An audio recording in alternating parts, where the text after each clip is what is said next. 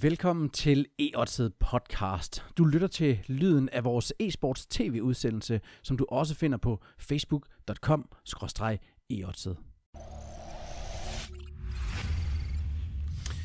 Vi er alle sammen øh, enige om, at Team Liquid er det bedste hold i verden. De har overgået Astralis, den kan vi sagtens lægge på hylden. Men hvor langt har Astralis tilbage i det her kapløb? Drenge, hjælp mig lige her. Hvis Astralis vinder en turnering, er vi så tilbage igen, at Astralis er det dominerende hold? Jeg synes i hvert fald, at verdensranglisten på HLTV øh, giver lidt andet billede af, end, end hvad jeg selv synes. Øh, okay. Verdensranglisten øh, siger jo, at Liquid er lang, rigtig langt foran Astralis i PT. Øh, men det er selvfølgelig svært at sige, fordi Astralis ikke har spillet så mange turneringer. Men ja, altså, hvis Astralis hiver en, hiver en sejr i Cologne, og, og Liquid øh, måske ikke klarer sig så godt, eller bare en anden plads, så øh, altså, de ligger meget tæt op ad hinanden, vil jeg sige, men jeg synes stadigvæk, øh, lige pt. er Liquid bedre. De rider på en bølge, og de her spiller turneringerne, øh, hvilket er rigtig vigtigt. Handler det ikke også om de altså indbyttes opgør? Det er jo ligegyldigt med alle de andre hold, hvis de kan, det er dem, der kan slå hinanden. Er det ikke det, der er det vigtigste? Jo, og man kan sådan lidt flabet sige, at jeg tror at Astralis og Liquid længe har været lige gode. Mm. Men Astralis har bare haft den her mentale over, øh, fordel, og Liquid har hele tiden haft de evige toer, har ikke kunne vinde de her finaler. Nu har de prøvet at vinde finalerne, de har prøvet at slå Astralis. Mm. De har den her første plads på ranglisten, som også betyder rigtig meget. Så derfor så tror jeg egentlig, hvis vi skal sætte dem sådan side om side og måle dem, så er de meget, meget ligestillet, de to ja. hold. Er, er Liquid i gang med at starte en æra nu? De har fået en fantastisk start på, på året. Det er for tidligt at sige, tror jeg. Jeg tror, de skal have et halvt år mere, hvor de dominerer, især når Astralis kommer tilbage på, i turneringerne nu her. Så får vi, så får vi rigtig at se, hvordan styrkeforholdet egentlig er.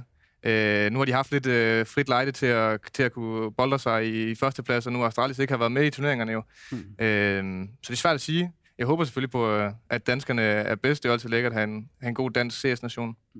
På, øh, på vores odds, der er danskerne faktisk favoritter. Det er Astralis, der har det laveste odds. Er det, øh, er det et sandt billede af den turnering nu her, eller er det vores oddsætter, der er fulde? Ja, det ved jeg. Jeg tror ikke, de er fulde. Det håber jeg i hvert fald ikke. Men jeg tænker faktisk, at det er, det er ikke et helt dumt sats at tænke på, at Astralis godt kan vinde en turnering her. De har haft tid til at arbejde med de ting her.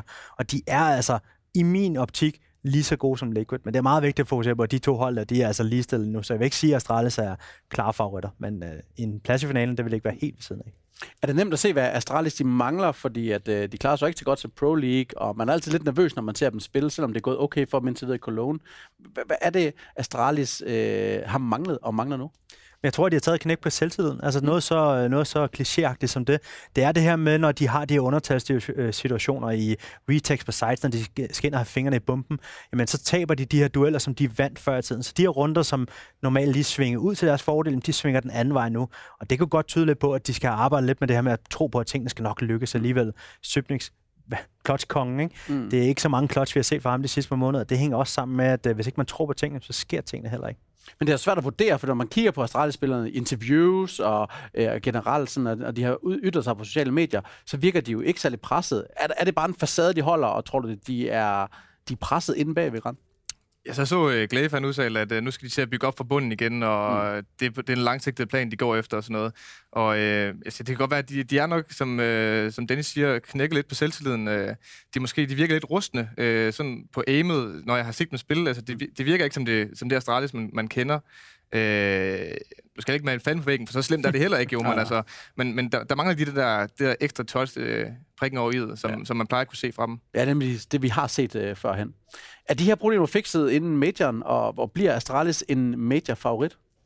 Det kunne de godt gøre blive. Jeg tror, vi får rigtig mange svar i den turnering, vi er allerede i gang med nu. Men jeg tror også, at uh, majoren og den tid, de får op til majoren, kommer til at blive rigtig, rigtig afgørende for dem.